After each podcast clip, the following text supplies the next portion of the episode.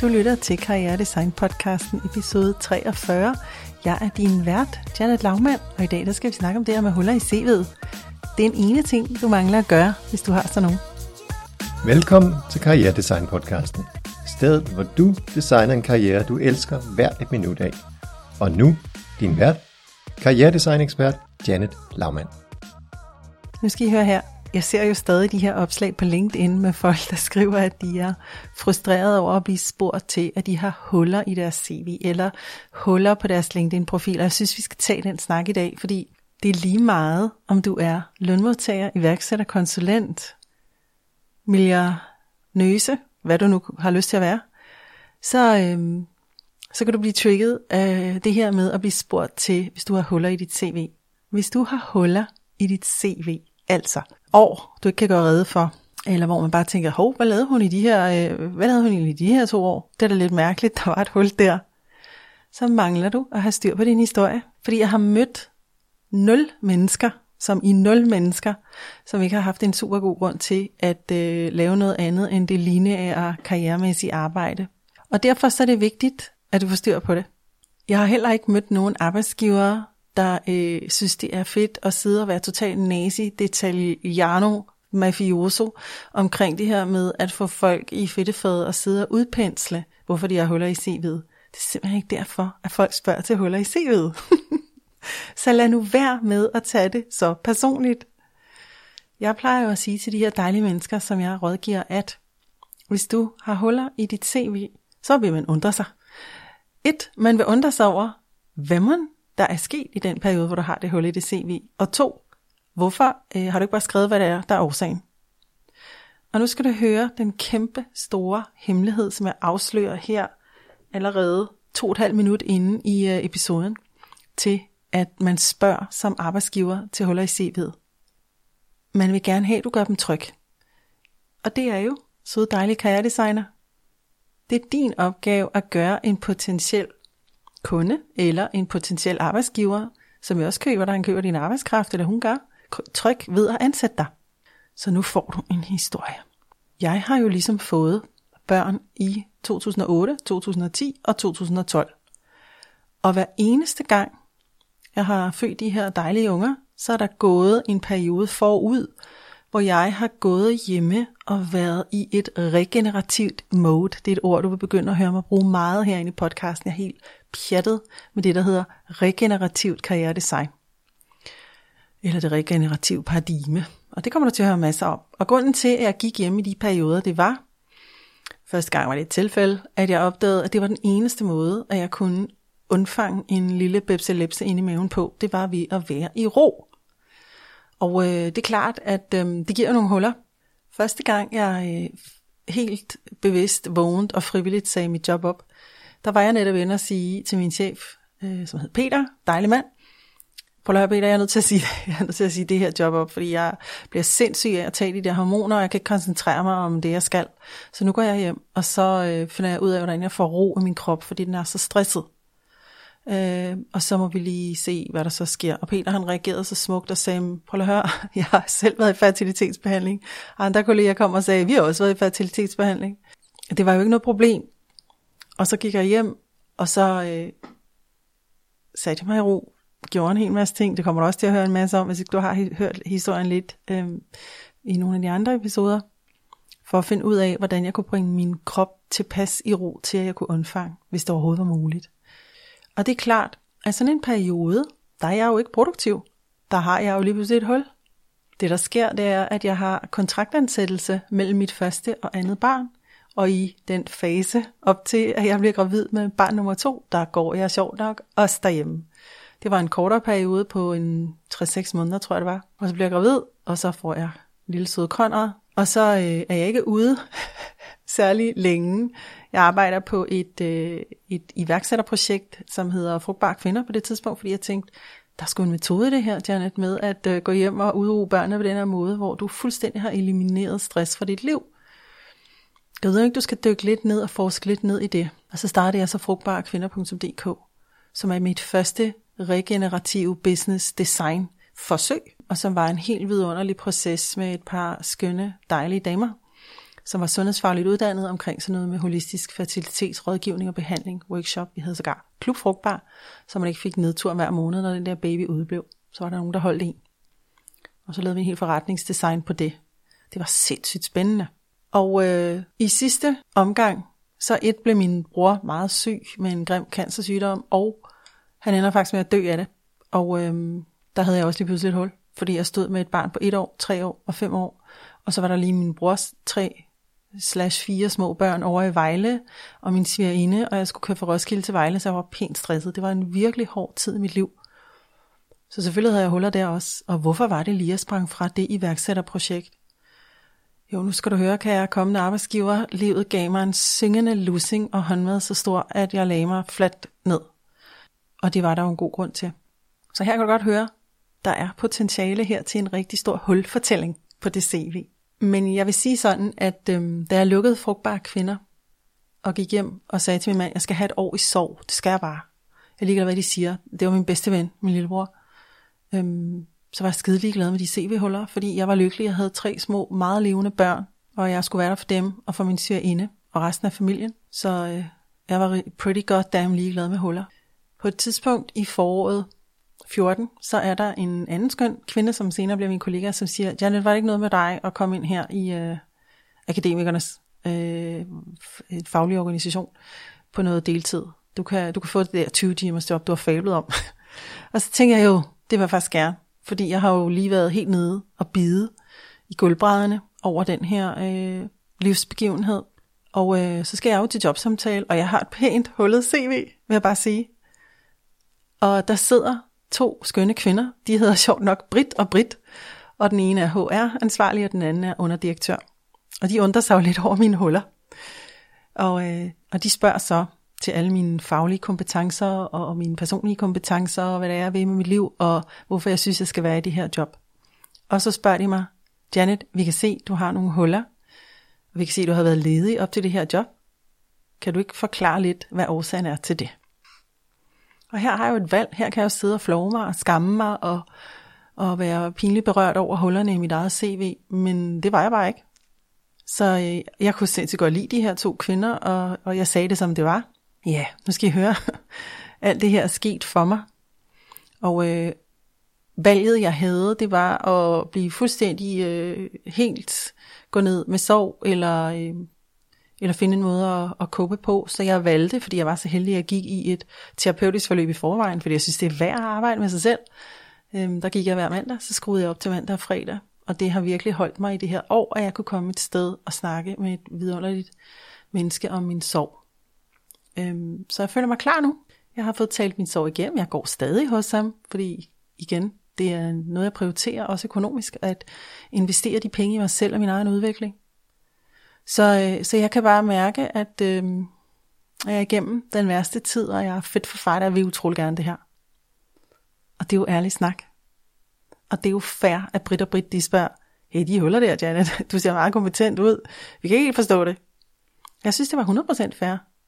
Og jeg tænkte, nu har livet jo smidt mig ned i gulvbræddet højde, så nu skal jeg nok ikke være så øhm, stolt, eller øh, ja, jeg ved ikke, hvad det modsatte af ydmyg, manglende ydmyghed er. Så jeg, jeg tænkte bare, at jeg må bare være ydmyg og ærlig og transparent omkring det. Og det var jeg. Og de tilbød mig jobbet. Bum, færdig. Det jeg kan sige til dig, det er, at når mennesker stiller spørgsmål, en arbejdsgiver, en kunde stiller spørgsmål til sådan noget, så er det fuldstændig validt. Og det er jo vores opgave at gøre dem trygge. Og jeg kan da godt forstå, at de vil vide, også med den her øh, øh, store historie og årsager og forklare dem, at de, at de alligevel sikrer sig, at jeg ikke rendte rundt og var stresset, eller kom for tidligt tilbage fra en sygemelding, som var fuldstændig naturlig. Øh, fordi sådan noget her sker jo for os alle sammen. Det sker jo også for din chef. Det sker jo også for din kunde. Øh, og jeg har kun oplevet, at jeg var, at, at, altså, at jeg er lige så attraktiv og salgbar, så længe de bare kan høre, om hun har altså nogle strategier på plads til at holde sig selv oppe og kørende, og hun har et støttesystem. Øhm, det er vi helt trygge ved det der. Og jeg elsker det job. Så det var fantastisk at, at, at være derinde, fordi at jeg på det tidspunkt skulle tre steder hen med små børn. Ikke? Jeg skulle både i skole med min datter, der lige var startet i 16. Jeg skulle i børnehave med min lille nuser, og så skulle jeg i dagpleje på den sidste. Så jeg kørte rundt i hele Nordsjælland øh, inden jeg så kørte helt ind til København i Vest, Vesterbro, og, øhm, og, og havde det her job, og skulle være ansvarlig for nogle dejlige mennesker, der skulle videre i karrieren, og så skulle jeg tilbage igen og lave aftensmad, så jeg kan godt høre, det er jo klart, at de gerne vil ansætte en, der er oppe på beatet. Og jeg havde da øh, kolleger, som havde store børn eller ingen børn. Bum. Så, øh, så man er, man kan jo godt stå og føle sig lidt bagud på point, hvis man er sådan en nybagt mor eller en mellemmor, eller hvis man vender tilbage fra en, en sygemelding, en stressmelding, et eller andet, livet lige har budt dig, øh, hvor du lige skal finde øh, fodfæste øh, igen, inden du er videre til det næste projekt. Den anden årsag til, at du kan holde i CV'et, det er, at du simpelthen ikke har fået sat dig ned og skrevet din egen historie. Bummelummelum. Det lærte jeg jo der, da det var, jeg lige pludselig tænkte, hmm, jeg tror heller, jeg skal være iværksætter. Jeg tror, jeg skal være sådan en kommunikationsrådgiver. Det tænker jeg, jeg skulle på et tidspunkt. Øh, der leverede jeg en helvedes masse kurser til faglige organisationer.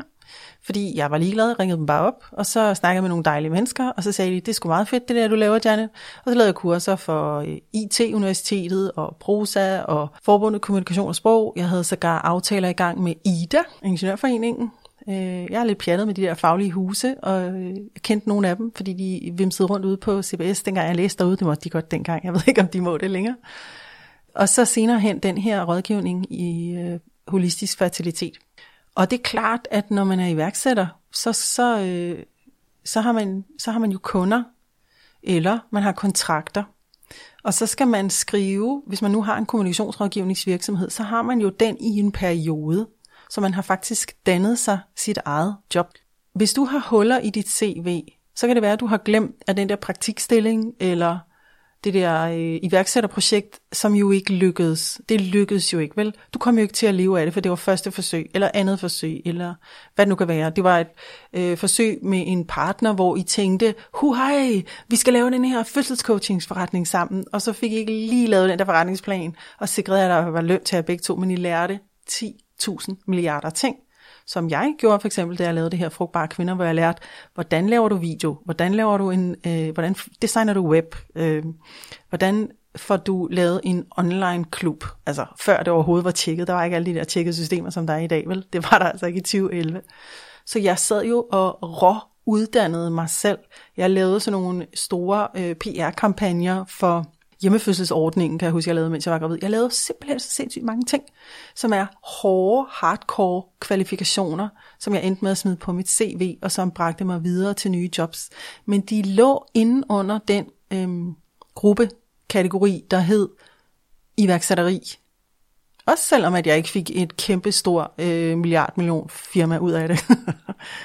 så jeg tænker, hvis du har for mange huller men mindre du har været nede og bide gulvtæppet, ligesom jeg var, fordi der skete et eller andet øh, psykosocialt i dit liv, som er fuldstændig i orden. Det kan vi alle sammen være ude for.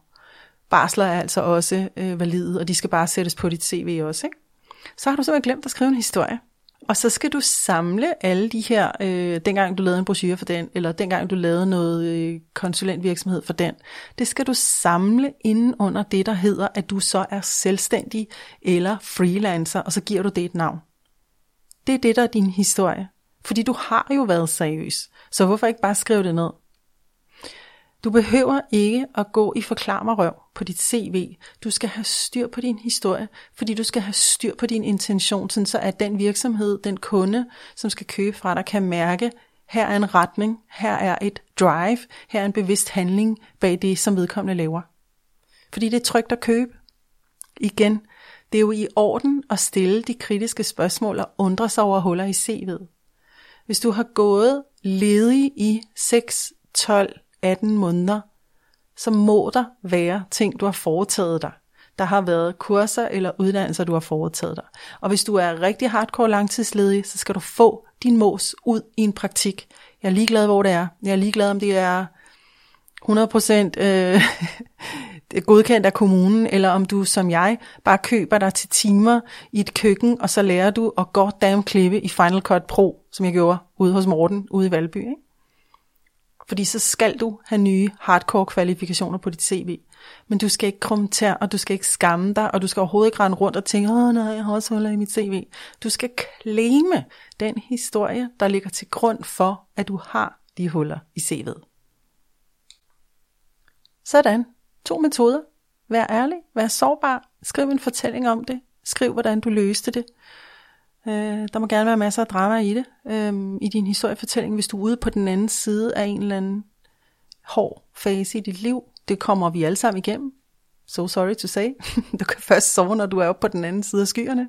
Hernede er vi nede for at blive rusket rundt i centrifugen og få ups and downs og læringer. Men du kan claim dem. Og ellers så tager du ansvar, og så siger du, okay, så har jeg åbenbart et freelance eller iværksætterprojekt kørende her, fordi det må være mængden af de her opgaver, jeg sætter sammen, og så har jeg ikke de huller. Der er ikke nogen mennesker, der er interesseret i måned til måned til måned. Du skal bare skrive fra år til år. Det er ligegyldigt. Det er de her øh, stenhårde kompetencer i, jeg kan klippe den her video, jeg kan klippe i Hindenburg i podcast, jeg kan lave det her marketingmateriale for dig, jeg kan lave fede events, hvor jeg bruger mit pressenetværk, altså whatever. Bare skriv det ned. Nogle gange så er vi så mega søde og ordentlige og alt muligt andet i Danmark, at vi glemmer, at det er jo, det er jo os selv, der er romanforfattere i vores eget liv, og kan kommunikere den historie på den måde, det nu ser øh, bedst ud på CV'et. Igen, selvfølgelig skal du ikke lyve, det er ikke det, jeg siger. Men det er jo ligegyldigt, at jeg på et år har måske haft tre kunder eller fem kunder. Øhm, det, det vil ikke være vigtigt øh, i dit CV. Det, der er vigtigt, det er, hvad har du lavet i den periode? Og så sætter du det bare på som et, i den her periode af mit liv, der lavede jeg det her. Det tænker jeg, du skal gøre. Det du vil opdage, det er, at det handler jo om, at du skal lave appetizers. Det handler ikke om, at du skal lave en dokumenteret historisk gennemgang. det gjorde du på uni.